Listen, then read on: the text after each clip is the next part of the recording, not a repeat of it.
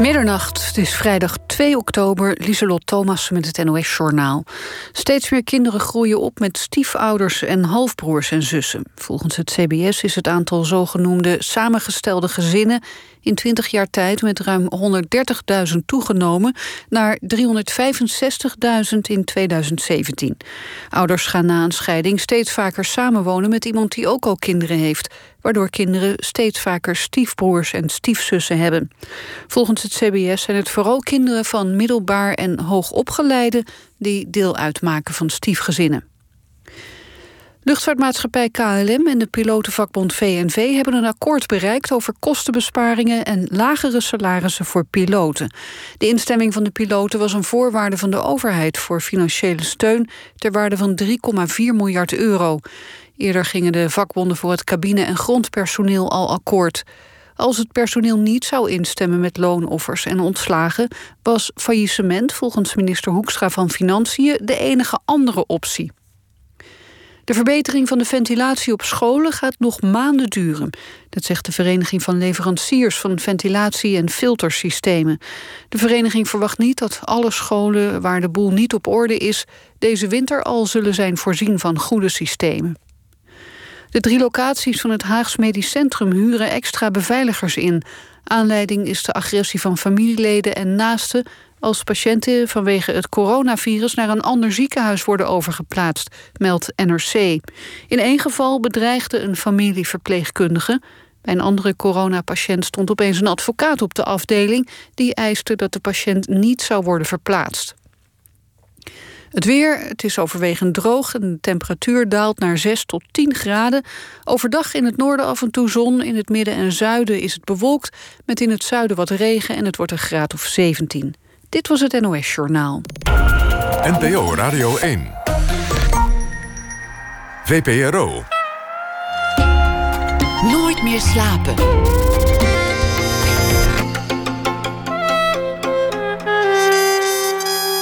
Met Pieter van der Wielen. Goedenacht en welkom bij Nooit meer slapen. Igazazen, het geboortedorp van Abdelkader Benali. Een plek die hij al op zijn vierde ontgroeid was. Hij kwam met zijn ouders naar Rotterdam. Abdelkader Benali, een geboren schrijver, debuteerde jong op zijn 21ste en meteen heel succesvol. In 1996 was dat. Vele boeken zijn gevolgd en vorig jaar nog een roman, De Weekendmiljonair. Het is de maand van de geschiedenis, die is net begonnen. En hij heeft dit jaar het essay dat erbij hoort eh, geschreven: Reiziger van een nieuwe tijd. Het gaat over de zeegeschiedenis, over piraten die de Middellandse Zee onveilig maakten al sinds de 16e eeuw. En het gaat ook over Nederlandse zeemannen die zich tot Allah bekeerden om hun talent te kunnen benutten. En dat talent was de piraterij. En zo komen de twee landen van Abdelkader Benali bij elkaar, Nederland en Marokko. Er is ook een tentoonstelling bij en die is in de Universiteitsbibliotheek van Leiden.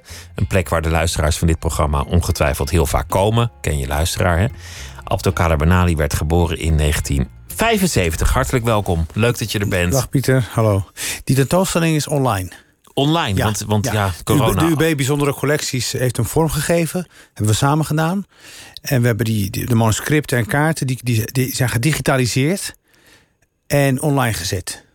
Dus Weet je- als, je, weet je als, je de- naar de website, het- als, je, als je naar de website gaat van de UB Leiden, dan, dan, dan, dan, dan, dan krijg je die tentoonstelling te zien. Nee, dat is met, met Google ongetwijfeld wel. ja hoor, eh, UB te Leiden en dan Universiteitsbibliotheek Leiden.nl, zoiets. Ja. Ik begin met dat geboortedorp, maar je was er al weg op je vierde. Heb je daar eigenlijk eigen herinneringen aan, aan, aan die plek waar je dan waar het allemaal begon? Ja, ik ben later nog vaak terug geweest voor de, voor de vakanties. Maar ik eh, ben er inderdaad geboren en vier jaar geleden weggegaan. En wat ik, me, wat ik me nog kan herinneren... is dat er op het binnenerf van mijn grootouders huis... een kip werd geslacht. En dat, het, en dat de kip eh, rondfladderde. En wat ik me ook kan herinneren... is dat ik niet veel later besneden ben. Jijzelf, dus je, je had een beetje een soort beeld van jezelf als, bijna als een soort kip dan eigenlijk. Nou, naar alle waarschijnlijkheid werd die kip misschien wel geslacht om het feit te vieren dat ik besneden was. Dus nadat ik besneden was, eh, heeft men die kip opgegeten. Maar blijkbaar heb ik die kip gezien. En je hebt een, een, een, een mes gezien en een binnenplaats. Nee, en, mes niet, nee. Maar ik herinner me wel eh, heel vaag dat er allemaal mannen waren. En dat ik ineens van onderwerp leidend voorwerp werd. Omdat het mes er toen uh, opkwam op het stuk vooruit, wat er daarna afging. Herinneringen dienen ook op jonge leeftijd om grote gebeurtenissen te markeren. Van dit moet je onthouden, want hier is uh, gevaar of iets anders mm. belangrijks te halen. Dus, dus dit maakt natuurlijk indruk, zo'n gebeurtenis. Dat is ook een trauma. Ja, dus ik denk dat. Ik heb wel eens gezegd in een interview: eigenlijk was het voor mij de geboorte van de verbeelding. Want uh, er overkwam iets wat groter was dan ik. Uh, en, uh, en ik niet kon verklaren op, op wat voor manier dan ook. en wat ook niet werd uitgelegd of iets. En, en, misschien heb ik toen, toen door, door dat moment ineens een soort van inzicht gekregen in, in, wat, in de verbeelding. Ineens dat, dat ik mezelf buiten mezelf ging staan. Ik denk, verbeelding is altijd een andere manier van kijken naar de werkelijkheid. En dat ik op dat moment als, als het ware uit mezelf sprong. Je zag jezelf van buitenaf en dat is verbeelding voor jou. En, en, en het is ook de geboorte van uh, de, dat, de, de, herinnering is, is, is een valse hond die gaat liggen waar die wil. Weet je wel, om, om precies rituelen. En dus, dus de herinnering is ook onbetrouwbaar. Dus in hoeverre dit nou, wat ik je nu vertel, helemaal opgehangen kan worden aan het eerste moment, weet ik niet. Maar ik, ik heb al uh, vrij vroeg in mijn uh, kindertijd deze herinnering gehad. Het is niet iets wat in mijn, in mijn puberteit opkwam. Ik weet, al, ik weet al van jongs af aan dat ik dat, me dat kon herinneren. En ik heb denk ik, en ik heb denk ik misschien dat, dat dan door naar Nederland te komen. Ik kwam met mijn ouders mee, met mijn moeder naar Nederland in 1970. Dat misschien wel die herinnering werd geactiveerd. Omdat in dat dorp is misschien vergeten. Is, is andere, en dan ga je naar Nederland, naar een hele nieuwe cultuur, een nieuw land. Met nieuwe geuren, nieuwe kleuren. En dan, dan, dan, dan, dan, dan, dan probeer je ook echt aan vast te houden. Om, om oriëntatie te vinden. En misschien heb ik me toen vastgehouden aan die herinnering. Aan, kwam dat beeld weer op van die besnijdenis. Dus je moest je ergens aan vasthouden. Je was misschien wel meteen ontworteld toen je ja, hierheen ik was, kwam. Ik was natuurlijk heel jong. Ik was vier jaar oud en uh, vijf. En, uh, ik, niet alleen was het migratie naar Nederland, maar ook migratie naar mijn vader. Want ik, mijn vader was al in Nederland. En, en we werden, in het kader van de gezinshereniging kwamen we hier naartoe. Dus er gebeurde heel veel op verschillende. Ik kwam van het dorp naar, naar een uh, Rotterdamse, Rotterdamse uh, arbeiderswijk. Met een, straatje en met een heel klein ja, een appartementje, heel klein. Met een hele andere werkelijkheid. Andere geuren, andere kleuren. Dus het was even wennen, ja. Maar goed, ik, in mijn herinnering nog, we hebben het over de herinnering, was het allemaal, hoewel dat allemaal plaatsvond, was, vond ik, heb ik, was ik allemaal heel gretig. Ik vond die nieuwe wereld ook heel spannend. En ik was ook heel bezig met ontdekken en om me heen kijken en, en genieten van de verwarring. Ja, je bent vier tenslotte. Als je op je vierde al vastklampt aan het oude, dan, dan, dan wordt het natuurlijk niet veel in Nee, alles, over, alles, alles, wat nieuw alles is, overkomt is, is mooi. je gewoon. Alles overkomt je gewoon. En uh, maar goed, ik heb een dochter van vijf. En ik zie ook wel dat mijn dochter ook heel goed in staat is om afstand te nemen van dingen.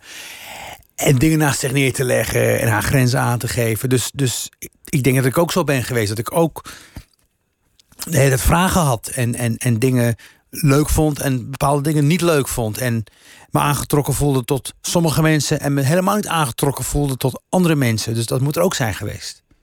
Maakt dat verschil dat je, dat je een dochter van vijf hebt? Ben je door, door zelf opvoeder te worden en kinderen nou. te krijgen anders naar, naar herinneringen gaan kijken en naar jeugd en je eigen opvoeding? Ja, ik heb heel lang gedacht van, nou, rond mijn vierde, vijfde, dan ben je als kind, wat weet je er nou van? En wat, wat zie je nou?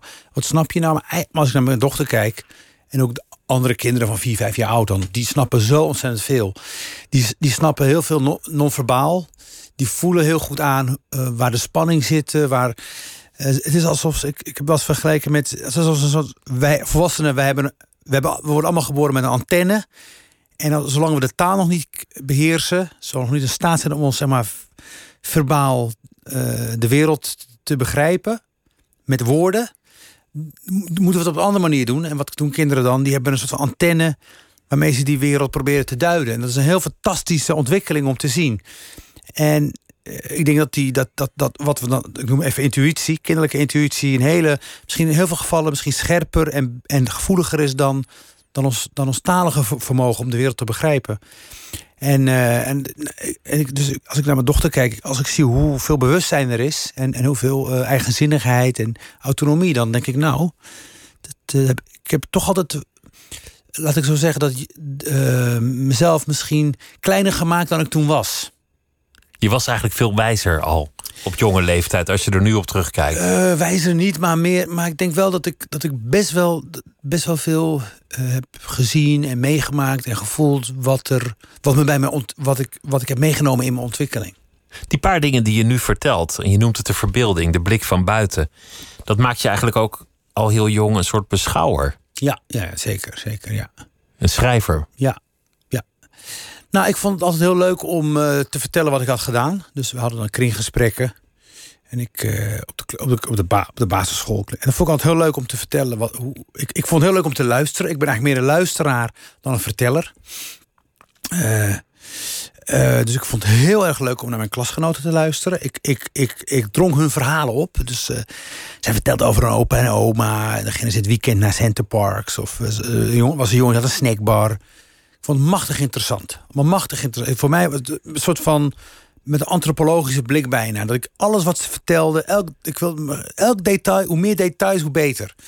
En dat stimuleerde mij om uh, ook mee te gaan doen. Eigenlijk was de, dat ik zelf uh, ging vertellen en praten en een beetje gek ging doen. Want ik ging al vrij snel ook uh, een beetje toneel spelen en een beetje cabaretachtige dingen doen.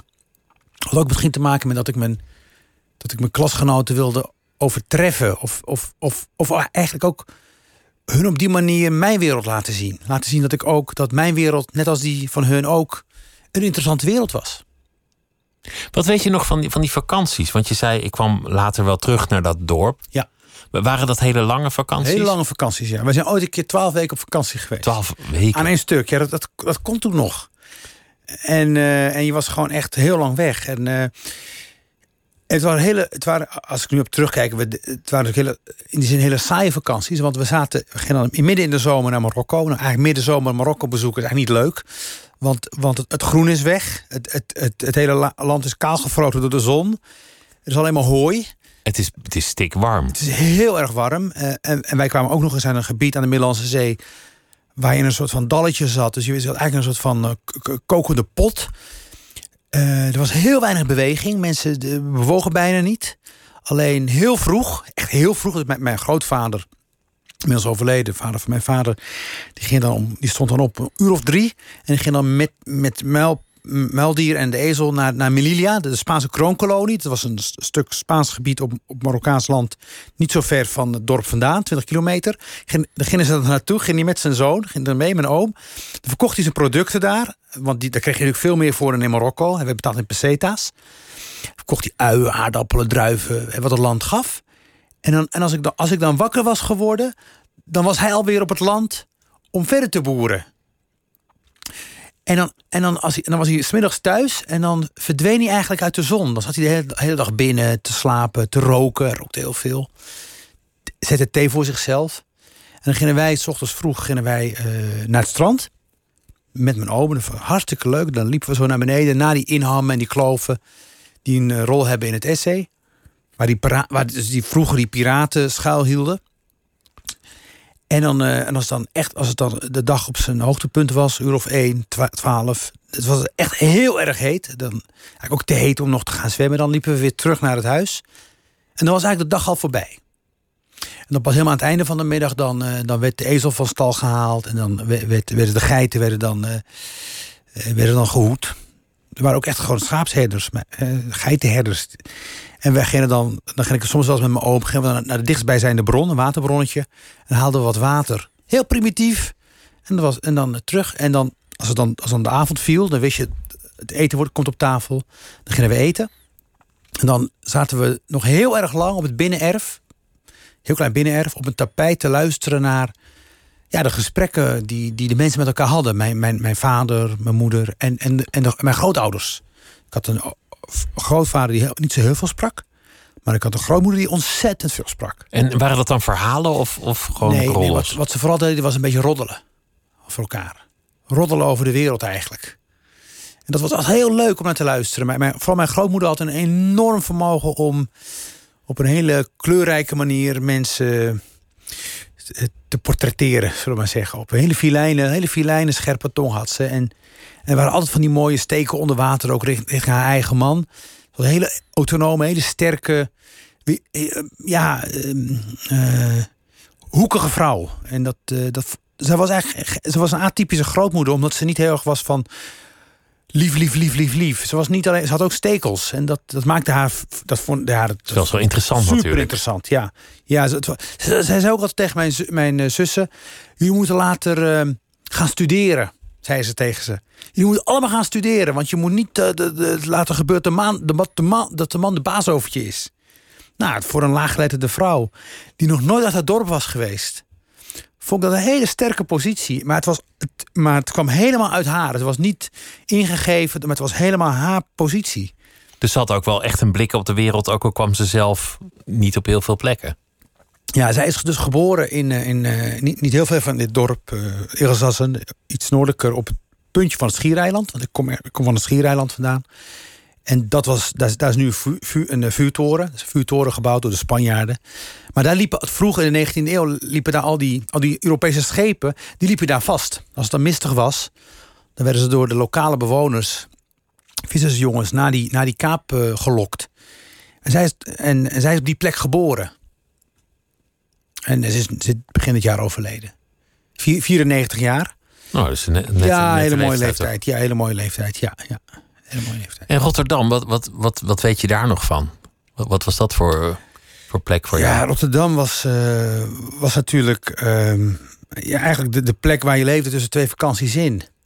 Dus, dat, dat klinkt niet heel, heel nou, ik, ik, ik, opwekkend. Om, nou, ook een beetje om, om, omdat we hebben nu heel veel over Marokko verteld. En uh, we, we, we, we, leefden in Rotterdam, we werden heel beschermd opgevoed. Dus ik en mijn zussen, wij waren, eh, waren veel thuis.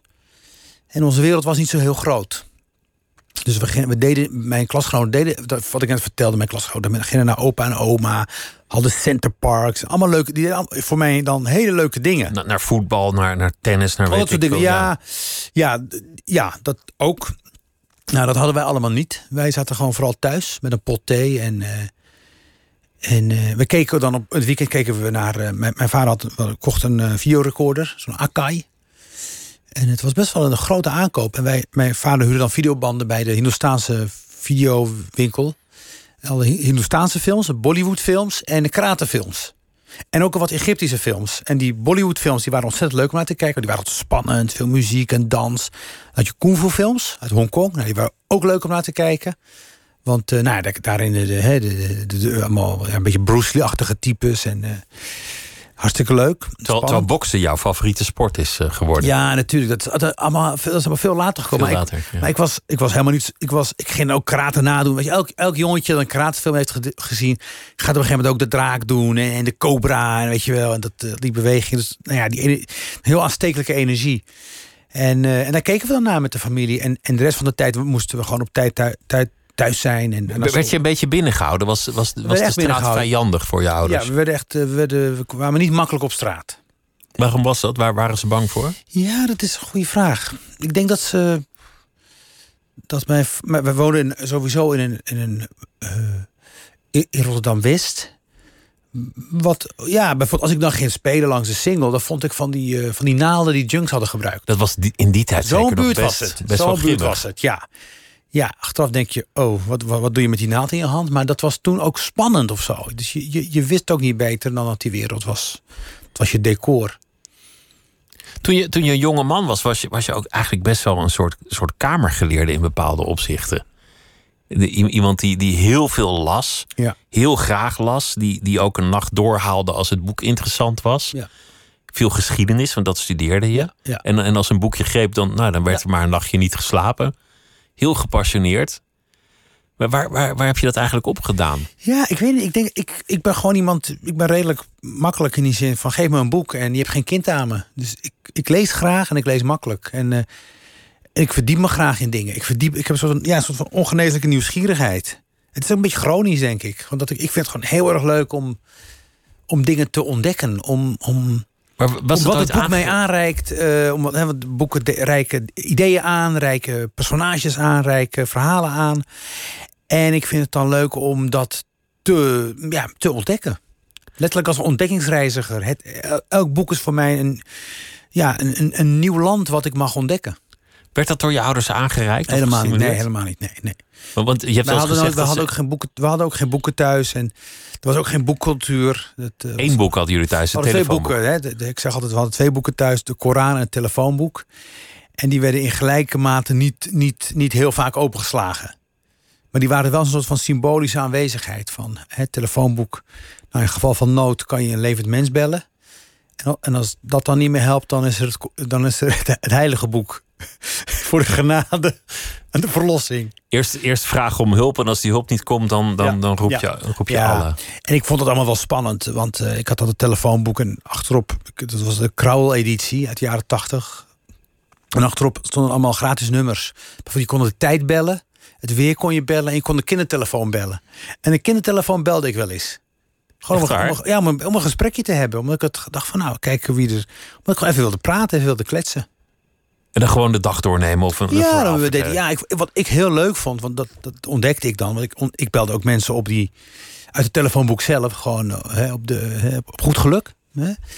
En dan eh, werd er opgenomen en dan zei ik, nou hallo, ik ben Abdel, hoe heet u? En dan zeiden ze, ik ben mevrouw Bakker, weet ik veel, van Net of eh, John. En dan, dan hadden we een leuk gesprek en dan zei ik, nou, dat was het dan, tot ziens. Een enorme behoefte om altijd iets te vertellen, om, om verhalen op te doen, verhalen te vertellen, om, om dingen door te geven. Ja. Hoe, hoe kwam je ooit eigenlijk op het idee om, om een boek te gaan schrijven? Want, want je, ik, ja, ik herinner me die tijd nog heel goed en ik, ik kende jou wel in die tijd. En, Ja. Maar je, ik, ik bedenk nu, wat was je jong eigenlijk Ja. toen je debuteerde? Ja, ja. En zo goed en, Ja. en zo succesvol. Ja, ik, heb, nou, ik, ik was natuurlijk wel altijd aan het lezen en eh, ik vond het ontzettend leuk. En ik begon ook op een gegeven moment ook, ja, maar schriftjes. Ik pakte dan een schriftje uit de kast op de, basisschool en dan schreef ik dan een kort verhaaltje in of een, of een dingetje. En ik, hè, en, ik weet nog heel goed, ik, las toen, ik had toen een boek geleend van Thea Beckman, Kruistocht de Spijkerbroek. En ik begon er zo in te lezen. Ik zat achter in de klas bij meester Timmermans. En ik had dat boek dan in mijn, in mijn, in, in de la onder het, eh, onder het tafeltje geschoven. En dan, en dan had ik het boek opengeslagen. En dan, dan, dan ging ik op mijn stoel zo'n beetje achterover, op, op, weet je, op twee pootjes. En dan liet ik zo dat, dat boek zo naar, naar beneden schuiven. Zodat ik, het, zodat ik kon lezen en de les volgen tegelijkertijd. Omdat je het niet kon wegleggen. Ja, ik dacht, ik vond het meteen een leuk verhaal. Een man, die, een jongen die in een tijdmachine stapt. En, eh, en ik weet nog heel goed dat, dat, dat, is, dat ik na zo 10, 10 of 20 pagina's dacht... dit wil ik ook en dit kan ik ook. Ik kan schrijven, ik ben een schrijver. Ja, nee, maar dit, nee, niet, nee, niet, niet schrijver. Nee, want dat, dat, ik wist niet wat dat was. Ik, voor mij waren boeken eh, achtergelaten door hele mysterieuze wezens. Maar eerder van wa- wat hier gebeurt aan, aan, aan, aan interactie, wat hier gebeurt aan verhaal, wat hier gebeurt. Ja, dat wil ik ook. Ik wil het heel graag ook kunnen, maar oh, volgens mij kan ik dat ook wel. Dat had, ja, dat was heel duidelijk besef. Ik was toen, eh, volgens mij zat ik in groep 8 of 7. En, en wat was het moment dat je echt begon? Nou, ik ben op de middelbare school ben ik toen bij de, bij de schoolkrant gegaan. En eh, daar, had ik, eh, daar schreef ik stukjes voor. En eh, toen kwamen op een gegeven moment twee dames die de schoolkrant overnamen. Die, die, die wilden met de schoolkrant een eigen koers varen. En wat ervoor zorgde dat ik geen stuk meer gepubliceerd kreeg. En eigenlijk uit frustratie om het feit dat ik binnen die schoolkrant geen plek meer had, ben ik toen ben ik me op de buitenwereld gaan oriënteren. Eigenlijk uit, een beetje uit nood geboren. Want ik, ik, ik ben helemaal niet zo'n. ehm, ik durf helemaal niet zoveel. Het was helemaal niet van ambitie, eh, schrijver. Toen ging ik om me heen kijken. Toen waren er allemaal schrijfwedstrijden. Die werden georganiseerd. Bij de kunstbende, je had toen de kunstbende. Eh, je had de El Hizra schrijfwedstrijd in Amsterdam. En je had de schrijfwedstrijd bij Trouw. Waarmee je reis kon weer naar, naar New York. En, en het ja, de gedachte dat ik door een verhaal te schrijven iets kon winnen. Dat het me iets kon opleveren. Dat vond ik een hele aantrekkelijke gedachte. En toen dacht ik ook van ja, als ik nou. Als ik dit nou zo aanpak, als ik het verhaal nou zo insteek, dan verhoog ik mijn kansen. En dat ging ik dan ook doen. Ik ging ook heel gericht, weet je, een soort gericht schrijven op. Met als doel. Ik wil dat degene die het straks gaat lezen, de mensen van de jury, echt zoiets hebben van: oh, dit, dit verhaal is precies wat we zoeken. Dit grijpt me. Dit, Ja, dit- ja, ja, ja. En toen heb ik een aantal van die verhalen gemaakt en opgestuurd en toen allemaal gewonnen. echt eh, vijf schrijfwedstrijden. Ik heb toen een jaar gratis studeren gewonnen in Leiden met een opstelwedstrijd. Ik heb toen een reis naar New York gewonnen met een eh, schrijfwedstrijd. Ik heb toen kunstbende Rotterdam gewon, gewonnen met een verhaal. En eh, nou, toen, toen, toen dat, dat trok de aandacht van een uitgeverij. jonge uitgeverij, Vasalucci van Oscar van Gelderen. Die nu Lebowski uitgeverij is. Die boden mij een contract aan. En ik dacht eerst van... eh, oh, dat zal wel een... eh, zal wel een grap... Ze stuurden een brief. Ze stuurden mij een brief. En, de, en ik las die brief en ik dacht... Dat zal wel een grap zijn van mijn zus. Ik heb een zus die twee jonger is, die, die, die het steekt met mijn schrijfaspiraties. En toen stond er een nummer boven, 020, een, een een Amsterdam nummer. En toen, ik werkte toen in die zomer in de slagerij van mijn vader. En toen heb ik op een middag gewoon het nummer maar gebeld. En toen werd er opgenomen aan de andere kant. En het was niet mijn zus, maar, maar eh, dus Oscar van Gelderen. Je had echt je zus verwacht. Je dacht, Ja, nou ja, ik heel dacht, hard te lachen. nee, of- ik dacht verwacht, dat is iemand die, dat is een, een, een nepnummer. Zo, dat dacht ik. En toen werd er opgenomen en toen eh, hebben we een afspraak gemaakt. En ben ik naar Amsterdam gegaan. Ik kreeg een contract. Toen moest ik het boek nog schrijven. Dat werd uiteindelijk Bruiloft aan Zee. De rest is geschiedenis, Ja. zou, zou ik bijna zeggen. Het, het lijkt alsof in de loop der jaren Marokko toch steeds terug is geslopen je leven in. Als- Alsof je ja, dat, dat land een beetje bent gaan opzoeken. Alsof je toch een plek hebt ge- eh, proberen te geven in je bestaan. Ja. Ter- Terwijl er ook wel een tijd was waar- waarin je eigenlijk dacht van... ja, god, we zijn allemaal wereldburgers. Ja, ja. Het is allemaal wat. Ja, ja ik heb er echt een, eh, soort radicale draai in gemaakt. In de zin van dat eh, Ma- Ma- Marokko hield zich met mij bezig. Nou, dat heb ik heel lang afgehouden. Eh, omdat het toch ook... Het was ook een cultuurshock als ik naar Marokko ging. Ik sprak de taal niet goed. Eh, ik, ik, mensen zagen mij als Marokkaan, maar dat ben ik niet. Dus dat levert ook weer conflicten op of irritaties. Dus, dus je vervreemdt ook van dat land. En eh, dus ik heb het ook heel lang vermeden. Ik dacht... maar op een gegeven moment zijn er wel een aantal dingen gebeurd. En nou ja, dat, dat, dat- daar kunnen we echt heel lang over praten. Maar dat ik dacht van, ik wil eigenlijk moet ik dat niet meer uit de weg gaan. Ik, daar ligt iets van, van, van wat ik ook ben. Dat komt daar vandaan. En ik vind het ook eigenlijk ook wel een heel leuk land. En, en zo waren er wat meer, ook wat meer, eh, nog wat andere, zeg maar, gebeurtenissen. En wat heel, heel gek, eh, ik heb een reis gemaakt met mijn vrouw. Ik heb een vrouw, Amsterdamse vrouw van Marokkaanse afkomst. We, hebben in, eh, waren net getrouwd. Toen zijn we een lange reis gaan maken door Latijns-Amerika. Mexico en eh, Bolivia, Peru, dat soort landen. En overal waar we kwamen, mijn vrouw en ik, zeiden we, net Marokko. En dat had het soms te maken met de, met de kleuren van de, van de kleding die traditionele vrouwen droegen. Eh, of het had te maken met eten, bepaalde kru- bepaald soort kruidengebruik. Of het had te maken met ehm, een kathedraal in de- in de vorm van een moskee. Hele duidelijke verwijzing naar Andalusië. Dus in die nieuwe wereld, dus zoveel duizend kilometers van huis, was ik eigenlijk, waren we op heel veel plekken in Marokko. En, en het, Het zal meest- inderdaad met, met, met Andalusië te maken ja, ja, kunnen ja, ja. hebben. Met, maar goed, dat- dat- precies, dat- precies die, die, die Moren waren natuurlijk na de val van Granada. gingen die Spanjaarden natuurlijk ook de nieuwe wereld eh, in. En namen, wie namen ze mee? Ja, ze namen natuurlijk de know-how en de technieken en, en de kennis van de, van, van, van de Moren mee. Want zelf hadden ze nog niks. Het was een nieuwe natie. En dat, en dat zie je allemaal terug in, eh, in, in, in de nieuwe wereld. Eigenlijk zou je kunnen zeggen: Mexico begint in Marokko. En, en, en, en, en, Marokko begint in Mexico.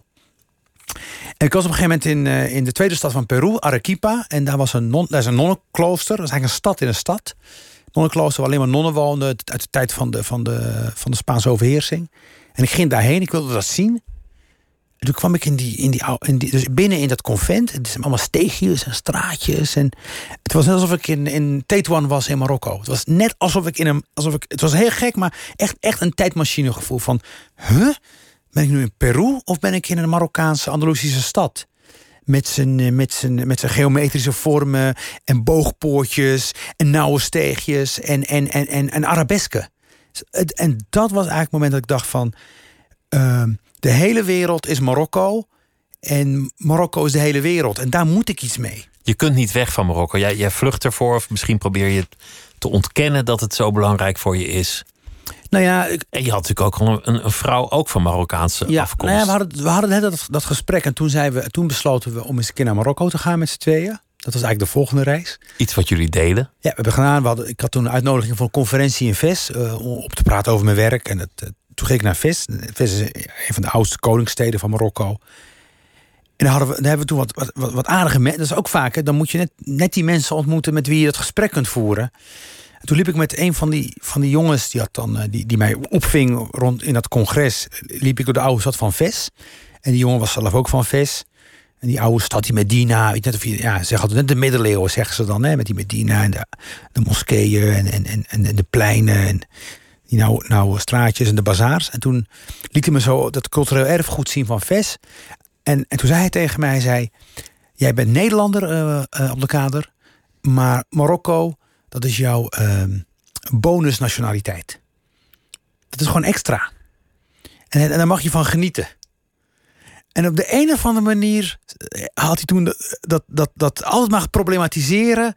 Had hij op een hele mooie manier opgelost door me die sleutel te geven van bonusidentiteit. Het is bonusnationaliteit. Hij is het letterlijk zo. Het is je bonus, zei hij. Ja, dat is mooi gezegd, toch? Ja. En, en toen dacht ik van, oké, okay, dus misschien moet ik eens zo gaan kijken. En toen werd het ook ineens veel makkelijker om ja, ja, met situaties om te gaan, om met mensen om te gaan. En, en om Marokko te waarderen als, als, als, als land op zich. En niet de hele tijd maar het, het, migratieverhaal of de identiteiten erbij te halen. Want het wordt wel vaak geproblematiseerd. Af, ja, en, toe, af en toe op het belachelijke af.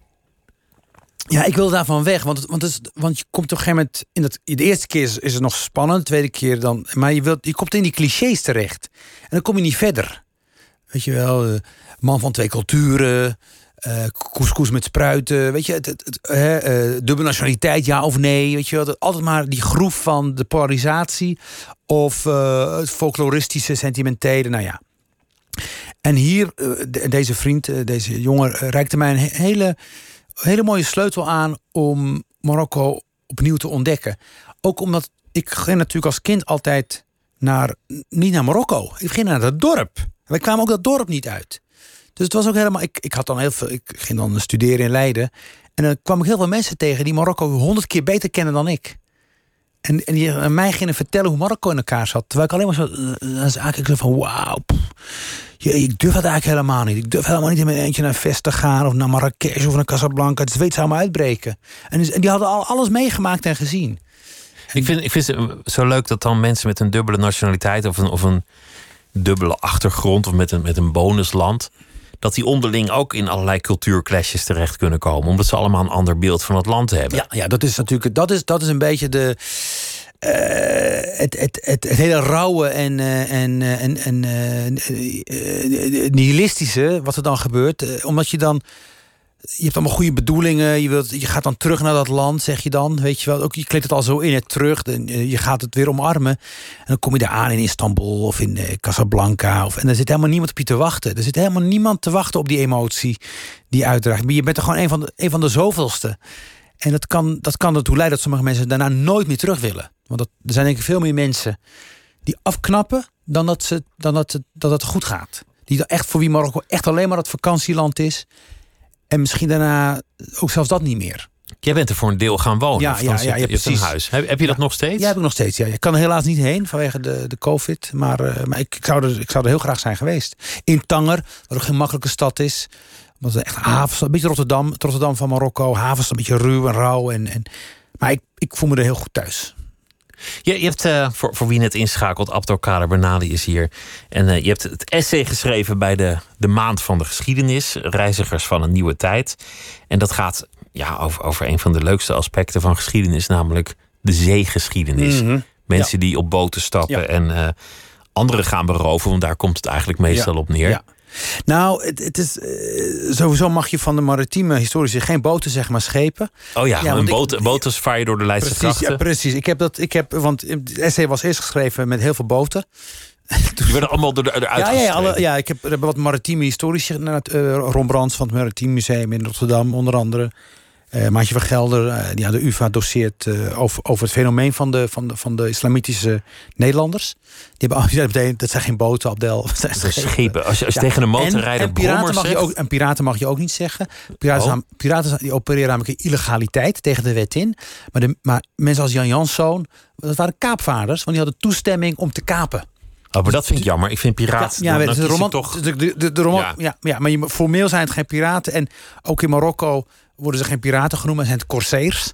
En corsairs zijn weer een soort van kaapvaders, maar dan aan de andere kant. Eh, namelijk, eh, Jan Janszoon eh, was als kaapvader in dienst. had een kapersbrief van de Jonge Republiek om te kapen. En de corsairs in Marokko en Algerije kaapten op Spaanse galjoenen, want het was de vijand. En die moest bevochten worden in de jihad, in de Heilige Oorlog. Dus het waren jihadisten, zou je kunnen zeggen. Maar die illegaliteit is interessant. Want eigenlijk een, een Willem van Oranje zou je ook als eh, kaapvaarder of piraat Ja, kunnen bestempelen. ja. In, in zijn tijd dat hij nog met de, met de geuzen rondvoer. Ja. Op schepen, niet boten. Maar dan is die grens eigenlijk heel mager tussen legaliteit. Want de handeling is exact hetzelfde. Je, je entert een schip en je haalt het leeg. Ja, ja. De handel is precies. Ja, maar je kan het. Je doet, of je doet het voor eigen gewin. Hè, dan ben je een piraat. En ja, of je, je geeft een, deel terug. En je, je entert een, een vijandelijk schip. In dit geval een Spaanse galjoen.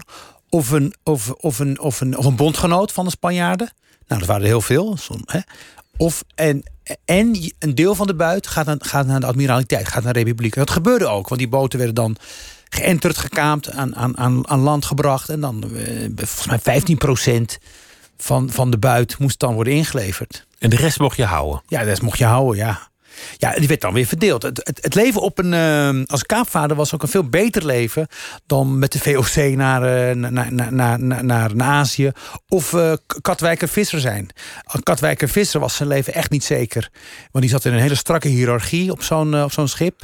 En, eh, en de Noordzee is een super ruige zee. En om die vis te vangen, ja, de vis wordt duur betaald. Dus dat was heel, heel visser. Eh, Visser die, dat was ontzettend gevaarlijk bestaan. Hetzelfde geldt voor het leven aan boord van een VOC-schip. Je kwam aan boord van een VOC-schip en de kans dat je er het leven van afkwam was 50%.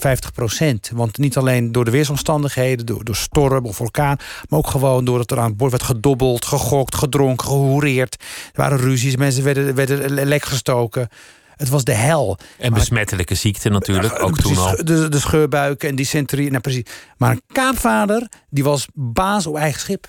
Dus er er heerste een hele andere ethiek. Namelijk een ethiek van een egalitaire samenleving. Iedereen die, op, die, die ten kaapvaart ging, dat, die was vrijgemaakt.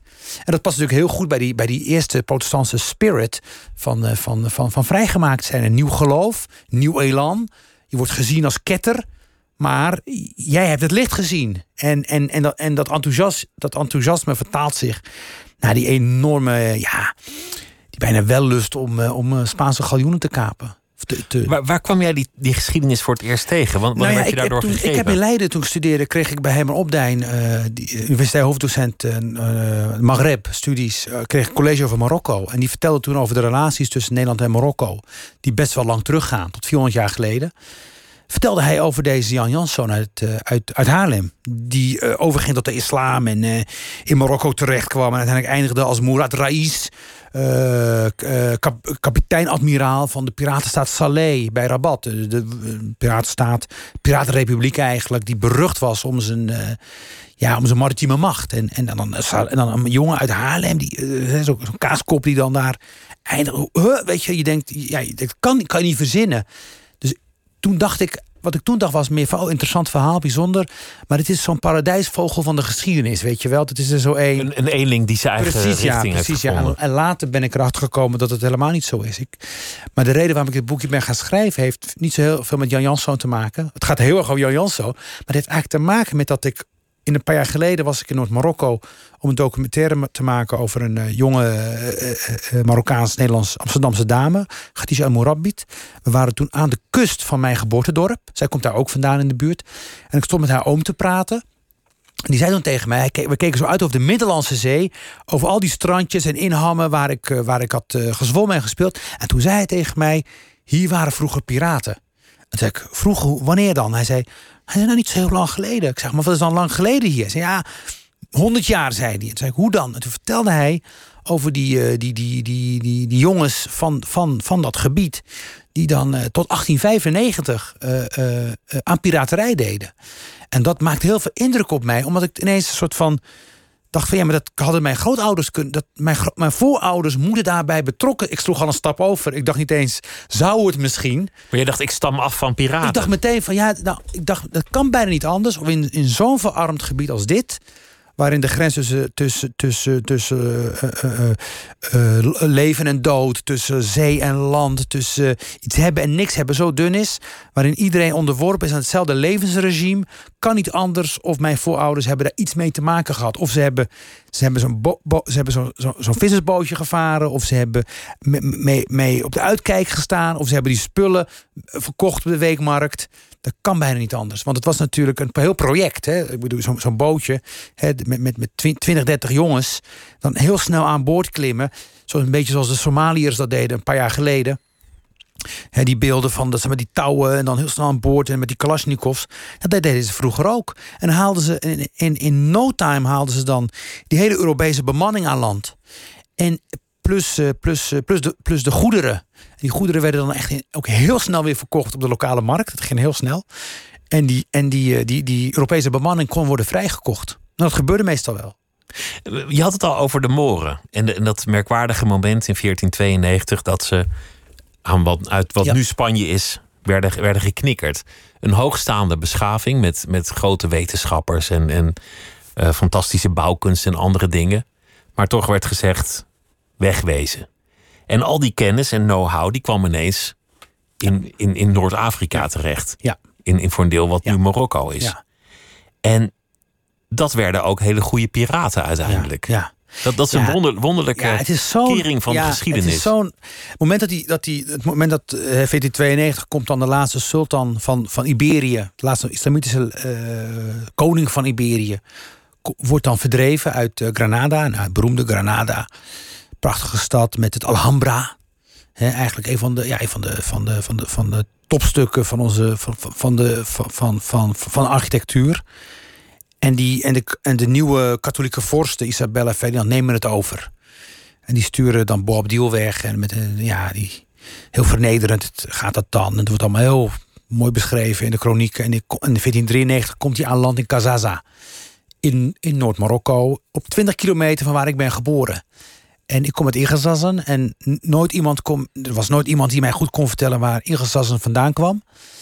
En toen kwam maar Kazaza is natuurlijk, ja, Kazaza en Igezassen, dat lijkt wel heel erg veel op elkaar. Dus toen dacht ik, ja, maar wacht, dus daar moet het iets mee te maken hebben. Kazaza is een alle is een alle een soort van uh, uh, verbuiging of, of, of, of soort van dat die, misschien die inwoners van Kazaza toen die havenstad over zijn roem heen was en werd vernietigd door de Spanjaarden. Dat die zijn verder getrokken en toen in Irzazen verder zijn gaan wonen. Zoiets. Een soort van vluchtelingen in, eigen land. En uh, dus zo vertel ik dat verhaal. Om dichtbij dat uh, beeld te komen van de omstandigheden van die tijd. Dus Bob Diel komt daar aan land in Kazaza. En op het moment dat hij aan land komt, dat de Moren worden verdreven, beginnen ze ook, ook wraak te zweren. Dat ze die Spanjaarden we zullen terugpakken. Ze zullen ze terugpakken, ook al kunnen ze het niet meer veroveren, dan maar, nog een paar honderd schepen pakken. Toch nog zeker wel honderd jaar leeft de gedachte: we gaan terug. We gaan ze terugpakken. We gaan iets doen om ze, om ze, om ze een lesje te leren. Wij, zijn, wij gaan het winnen. Dat komt ook op natuurlijk omdat er nog heel veel moren zijn in Andalusië. Heel veel moren zijn achtergebleven natuurlijk onder dat nieuwe bewind zijn ze overgegaan tot uh, een soort van ja, integratie tegen wil en dank. Het wordt allemaal afgedwongen door de Inquisitie. Men moet katholiek worden, men moet naar de mis komen. Men mag niet meer aubergine bakken, dat is islamitisch. Men mag geen, mag geen eh, islamitische kleding meer dragen. Men mag geen Morse liederen meer zingen. Dat is allemaal verboden. Dus die, dus, er wordt, dus die, die, die moren worden helemaal gelijk geschakeld met die nieuwe cultuur. Maar wat, maar wat doen die katholieken? Dat is heel, heel gek. Die komen in die nieuwe cultuur en die cannibaliseren die, nieuwe, die oude cultuur eigenlijk van de Moren. En wat doen de katholieken? Die gaan Moorse kleding dragen, Moorse liederen zingen en Moors eten klaarmaken. En het is gek dat dat gebeurt in één en dezelfde plek. Dus wat je, je hebt. Je verbiedt het en je adopteert Wat je de minderheid niet gunt, je, wat je de minderheid afneemt en ze misgunt, dat, dat maak jij zelf tot, tot onderdeel van jouw cultuur. En dan ga je mee pronken. Want natuurlijk is die, zijn die dansen en die kleding en dat eten is natuurlijk veel beter dan wat die katholieken allemaal in huis hebben. Want die, ja, die hebben het allemaal niet. Die moeten nog, helemaal, die moeten nog beginnen met het opbouwen van iets. Ik, ik, ik, slaat, ik, maak, ik zet het nu even wat scherper aan. En, en, en, dan, en daarin komen Jan Janszoon, Murat Reis en die gevluchte moren bij elkaar. Want uiteindelijk worden ze in elkaars armen gedreven. Zowel Jan Janszoon als die gevluchte moren sluiten een verbond om te vechten tegen de Spanjaarden. Want Nederland was uh, zich onafhankelijk aan het maken van, de, van dat Spaanse Rijk, dat Habsburgse Rijk. En dat deden ze onder meer door een grote zeevarende natie te worden. En piraterij of kaapvaart, hoe je het noemt, daar waren ze hartstikke goed in. En dat drijft ze in elkaars armen. Daardoor hebben ze gemeenschappelijke ja, vijand. en dat, lief, hè, de bekende uitdrukking, liever Turks dan uh, paaps. Hè? En, uh, en, en, en andere reden waarom voor de Nederlanders uh, Ottomanen, moslims helemaal, zo gek, helemaal niet zo'n gekke partner in crime waren, was omdat, omdat de absolute macht van, van Spanje voor de Spanjaarden waren zowel de protestanten als de moslims ketters. Het waren allebei afvalligen. Ze hadden allebei groepen die afdreven van het ware geloof. Die, die het ware geloof uh, hadden gecorrompeerd. En er een ander beeld van hadden gemaakt dan wat, dan wat, in, wat er uit Rome kwam. Dus de protestanten en, de, en, en, die, en die moren, die hadden ook zoiets van... ja, we zitten allebei, worden we, worden we, worden we totaal onderschat door Karel V en, en, en de Philipsen die daarna komen. Dus dat, dat creëert ook een verbond. Alle, we, zijn, we zijn allebei ketters, waar wacht eens even. We zullen even laten zien wie de echte ketter is. Dat is Rome en, en, en, en, en zijn vazal in Madrid. En dan krijg je dus, in, Nederland vecht natuurlijk die oorlogen uit met, uh, met, met, met, uh, met Spanje, wordt daar steeds sterker in, krijgt dat zelfvertrouwen. Dan heb je in 1607 de slag bij Gibraltar waarin Nederland uh, ja, de Spanjaarden in de pan hakt. En dan moeten de Spanjaarden iets met, met, met, die, met die ketters daar in het noorden. En dan sluiten ze de vrede met Oldenbarneveld, 1609. En nu het komt 12 bestand. ja, dat wordt eigenlijk 12 jaar bestand. Ja, dan krijgt he, de, Republiek kan op adem komen. En dan begint he, wat we dan later Gouden Eeuw gaan noemen. Kan dan beginnen. Maar wat ik op een gegeven moment ontdekte in mijn, in mijn, in mijn onderzoek was dat die dag dat Philips III de vrede tekent met uh, Oldenbarneveld, dus die handtekening zet, zet hij ook een handtekening onder een ander edict, namelijk het edict wat oproept tot de verdrijving van alle nazaten van Moren uit Spanje.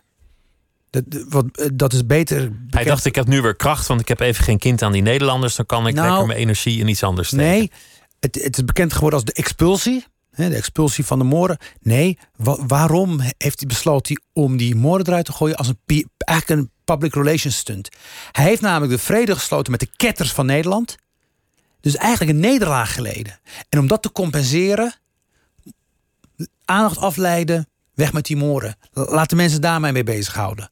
En dat, en dan vertrekken die Moren uit, uh, uit uh, Spanje. En het is net die ene groep Moren die uit Spanje vertrekt in 1609, waarbij Jan Jans zo'n aansluiting vindt. Want Jan Janso zit zonder werk, want Precies, hier is het vrede. Dus ja, die, ja, hij is maar in één ding goed. Hij, hij, leeft, hij leeft van oorlog. Hij leeft van die opwinding van hij leeft van vijandschap.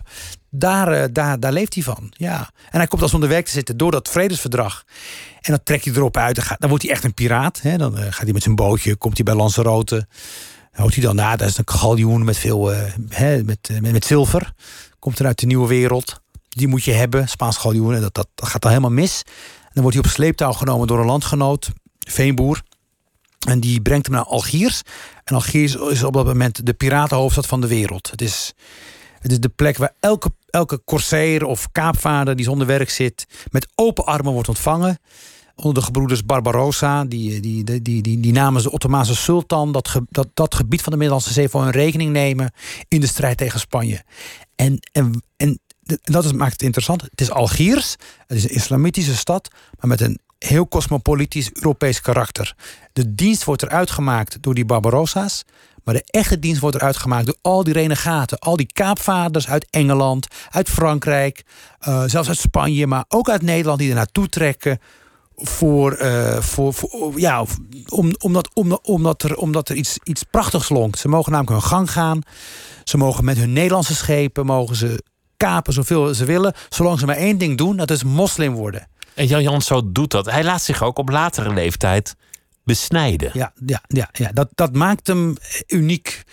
Eh, dat maakt hem tot ja, echt die paradijsvogel onder de kaap, onder zeg maar, de renegaten. Hè? Want je hebt anderen die ook moslim worden in naam. En die, die veranderen dan niet, hè? want in Algiers drinken ze gewoon wijn. En, en, en, en, eh, maar soms hebben ze wel meerdere vrouwen. Dat is, dan, dus het is eigenlijk, het is eigenlijk zo'n mengeltuur. Eigenlijk zo, bijna zo'n nieuw geloof. Van, en wijn drinken en meerdere vrouwen gewoon, hebben. Gewoon pakken wat je aanstaat. Precies. Maar, ja, maar Jan Janso, Murat die laat zich en besnijden, wat, wat best wel uitzonderlijk is. Hij trouwt een Moorse vrouw en, en, en als klap op de vuurpijl gaat hij kapen op Nederlandse schepen. En hij neemt dan ook uh, Nederlandse bemanning en neemt hij gevangen en, en, en, verkoopt hij weer door op de slavenmarkt in Algiers. En dat maakt hem, e, dat, van dat gegeven, dat iemand die tegen, nou, tegen je geloof keren, oké, maar je eigen mensen verkopen als product, dat, dat is, nou, dat, daar, ben je de, daar ben je Satan. En zo wordt er ook over hem geschreven in de, in de kronieken. Heeft het, jou, heeft het jou nog persoonlijk aangetrokken omdat het de migratie van jouw leven of van jouw familie omgekeerd is in een andere richting? Namelijk vanuit Nederland naar de wereld uh, waar jouw voorouders vandaan komen, de wereld van de, de Moorse piraten. Ja. Ik, wat, wat ik interessant vind, daar kom ik toch bij mijn groot, groot uh, voorouders uit. We zijn allebei, zowel Jan Jans zoon als, als, als ik, we zijn, toch ook heel erg bepaald door de zee. Als die zee er niet was geweest, dan, hadden we hier niet, dan was ik hier, had ik hier niet gezeten. Het is die zee, die, die, we moesten die zee oversteken voor een beter leven. En, en, en die, die, die, die piraterij is op een gegeven moment verboden in Marokko. Dus die, die mensen moesten iets anders gaan doen. Wat gingen ze doen? Ze gingen migreren. Mijn grootvader ging naar Algerije om te werken op het land. Dus, dus, dus het verbod op piraterij maakte ons tot ook weer vluchtelingen in eigen land. We moesten verder gaan, we moesten verder trekken. En zo is het idee van migratie in de familie geslopen. Van migreren moet wel, want, je kan, want, die, want die zee heb je niks. Dus dan ga je naar, dan gaan, mijn grootvader gaat naar Algerije, mijn vader is daar nog geboren. Dus die migratie zit, zit als een soort van DNA in die familie. En dan wordt naar Nederland, naar Europa gaan, wordt eigenlijk ook een soort van. Het wordt dan heel. Als je toch reist, kan dat eigenlijk Precies, ja. Dat doe je gewoon. Dat zit in je DNA. Je hebt, je hebt het, want je kent die Spanjaarden al. Want die Spanjaarden, dat, dat, mijn grootvader bracht een, verkocht zijn producten. Dus, dus het, het contact met de vreemde was er al. Melilia is in 1515 gesticht door die Spanjaarden, omdat die, die hadden een bastion nodig in Noord-Afrika, in, in Marokko. Tegen die, tegen, die, tegen die Moren die ze wilden bevechten. Dus zo, zei, zo ben, mijn komst hier is echt een, de uitkomst van deze geschiedenis. Zonder Boabdil, zonder die piraterij die verboden wordt, zonder, zou ik hier niet hebben gezeten. En dat heb ik ontdekt. Dat, het, dat die geschiedenis. Ik had het altijd over, oh wauw. Maar die, dat is, die, zit eigenlijk heel dicht, die zit eigenlijk heel dicht ook tegen mijn familiegeschiedenis aan. Iets anders, want je, je zei dat je als, als jongetje een beetje binnen werd gehouden. Want Rotterdam-Westen lagen naalden. Dat was een, een, een beetje vijandige omgeving. En je ontdekte de verhalen via VHS-cassettes en uh, gewoon door te luisteren ja. naar klasgenoten, naar anderen. Maar, maar een van de thema's die je tot universitair niveau, want je, want je hebt er zelfs college over gegeven, bent gaan ontdekken, dat zijn pleinen. Oh ja, ja klopt. Ja, dat, ja, ja. Dat, dat, dat, vond ik zo wonderlijk dat, dat jij ineens je ja. inzet voor, voor het goede plein. Ja, ja, ja, voor de pleincultuur. Ja, ja, want het, ja, ik hou van pleinen en ik vind en iedereen houdt van pleinen. Um, maar we weten ook allemaal, we weten, we weten allemaal wat een lelijk plein is of een slecht plein. Dat kunnen we ik meteen... kan er zo twintig noemen. Ja. Precies, maar we weten bijna niet wat een goed plein is. We kunnen, het, is, het, is, het is net als met een, met een, met een mooi gedicht. Je kan eigenlijk niet onder woorden brengen waar de schoonheid eindigt en, en, en de schoonheid begint. Even omgekeerd. Dat is met pleinen ook zo. Plein overvalt je, overrompelt je. En ik vond toen ik pleinprofessor werd aan de TU Delft, toen, toen koos ik het plein.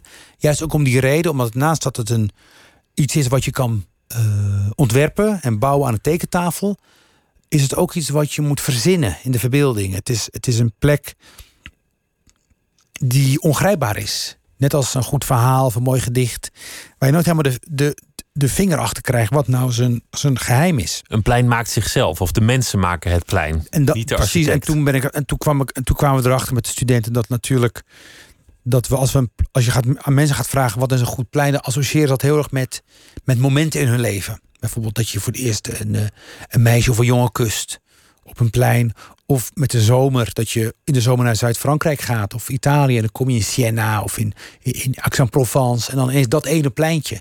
Of, of, in Venetië, dat je de weg kwijtraakt. Ineens ben je in een prachtige eh, piazza met een fonteintje. En dat associëren we heel vaak met de Middellandse Zee. Met geborgenheid, intimiteit en met openheid. Namelijk de plek waar het licht valt. He, de stad is donker, je moet je, je, moet je, je labyrint is gewoon ineens plein wat ruimte, vrijheid.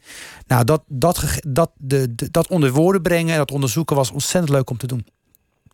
Was jij ook als kind dan op, op pleinen? Als je van school naar huis liep en, en of andersom? Ja, nou ja, de reden waarom ik daarmee, waarom ik dat plein begon, uh, is eigenlijk wel goed dat je het vraagt. Want ik kwam aan in Nederland en uh, niet veel, ik was vijf, zes. En toen ging ik naar een kermis. Mijn eerste kermis. Het was op een plein bij de Oude Binnenweg. Prachtig plein. Dat is een van de mooiste pleinen van Nederland.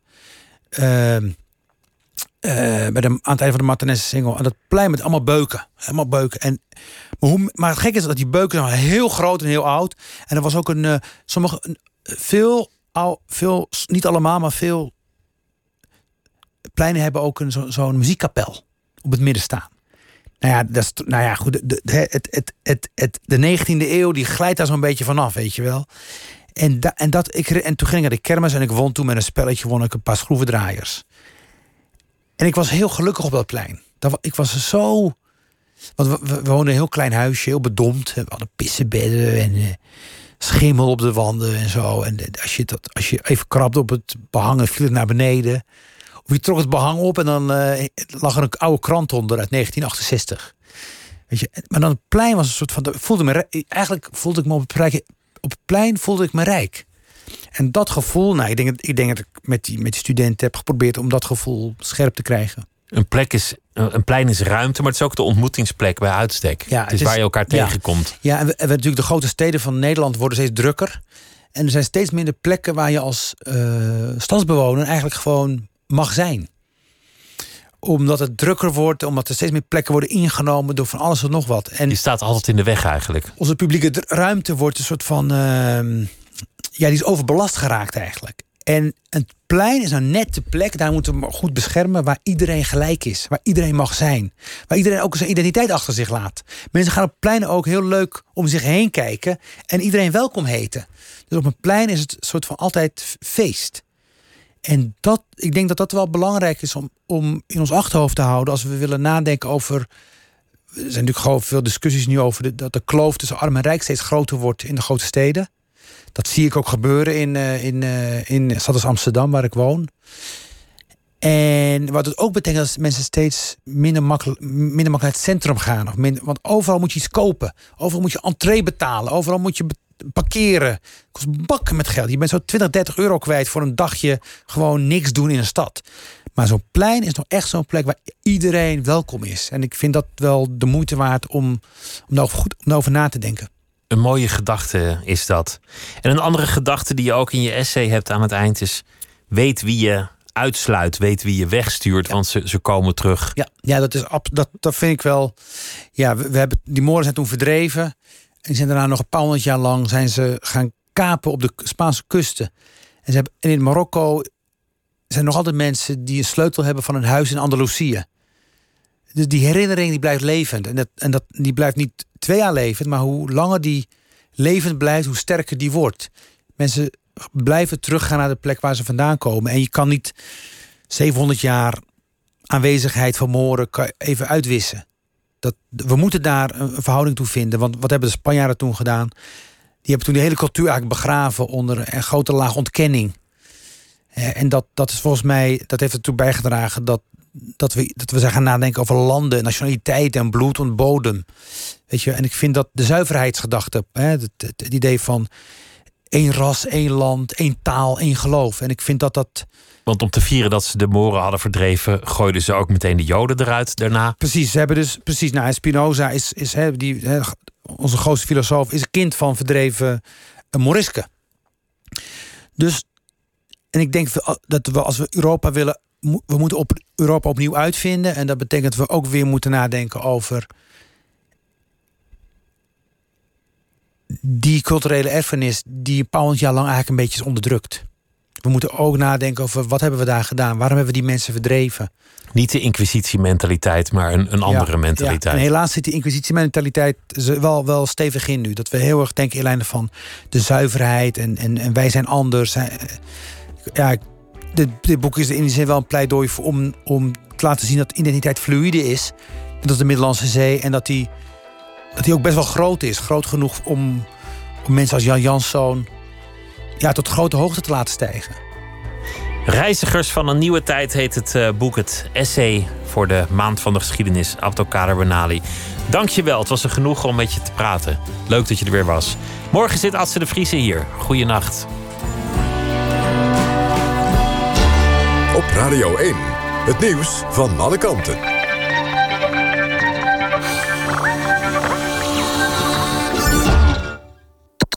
NPO Radio 1. 1 uur, Lieselot Thomassen met het NOS-journaal. De Amsterdamse burgemeester Halsema maakte zich een dag voor het antiracisme-protest op de Dam zorgen over de betoging, melden het tv-programma Shownieuws en de Telegraaf op basis van stukken van de gemeente. Uit appverkeer blijkt dat de burgemeester er rekening mee hield dat er veel meer mensen zouden komen dan de paar honderd die werden verwacht. Op 1 juni betoogden op de Dam duizenden mensen naar aanleiding van de dood van de zwarte Amerikaan George Floyd, die omkwam door politiegeweld. Bij het protest hielden mensen zich niet altijd aan de anderhalve meter maatregel. Luchtvaartmaatschappij KLM en de pilotenvakbond VNV hebben een akkoord bereikt over kostenbesparingen en lagere salarissen voor piloten. De instemming van de piloten was een voorwaarde van de overheid voor financiële steun ter waarde van 3,4 miljard euro. Eerder gingen de vakbonden voor het cabine- en grondpersoneel al akkoord. De drie locaties van het Haags Medisch Centrum huren extra beveiligers in. Aanleiding is de agressie van familieleden en naasten wanneer patiënten vanwege de coronacrisis naar een ander ziekenhuis worden overgeplaatst, meldt NRC. In één geval bedreigde een familieverpleegkundige. Bij een andere coronapatiënt stond opeens een advocaat op de afdeling die eiste dat de patiënt niet zou worden verplaatst. Bij de jaarlijkse 3FM Awards heeft Direct twee prijzen gewonnen. De rockband kreeg de award voor beste track en beste livestream. De toekenning van de muziekprijzen verliep dit jaar anders vanwege de coronacrisis. Niet met veel publiek bij Tivoli in Utrecht, maar met optredens op verschillende plaatsen in het land. Het weer. Op steeds meer plaatsen is het droog. Vannacht is het 6 tot 10 graden. Overdag in het noorden af en toe zon. In het midden en zuiden is het bewolkt. En in het zuiden valt ook wat regen. Het wordt een graad of 17. Dit was het NOS Journal.